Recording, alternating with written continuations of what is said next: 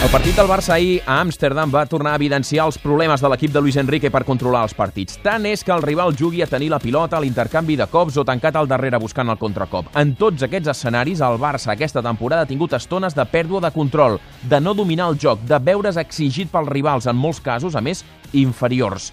La primera part d'ahir en va ser un nou exemple. Si hagués tingut més experiència, més mala lluna, l'equip holandès podria haver fet molt mal al Barça. Després la cosa va canviar i a la segona part, amb marcador a favor i jugant contra 10, el Barça es va refer i va acabar dominant el joc.